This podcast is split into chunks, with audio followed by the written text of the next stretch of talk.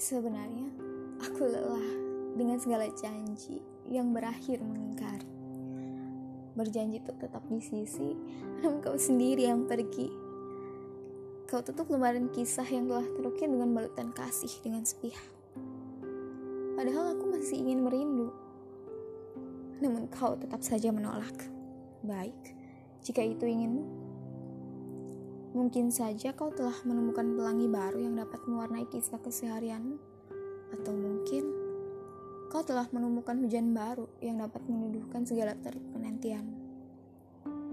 Dan segala kemungkinan-kemungkinan perihalmu kini bermuara dalam otakku semenjak kau memutuskan untuk pergi meninggalkanku.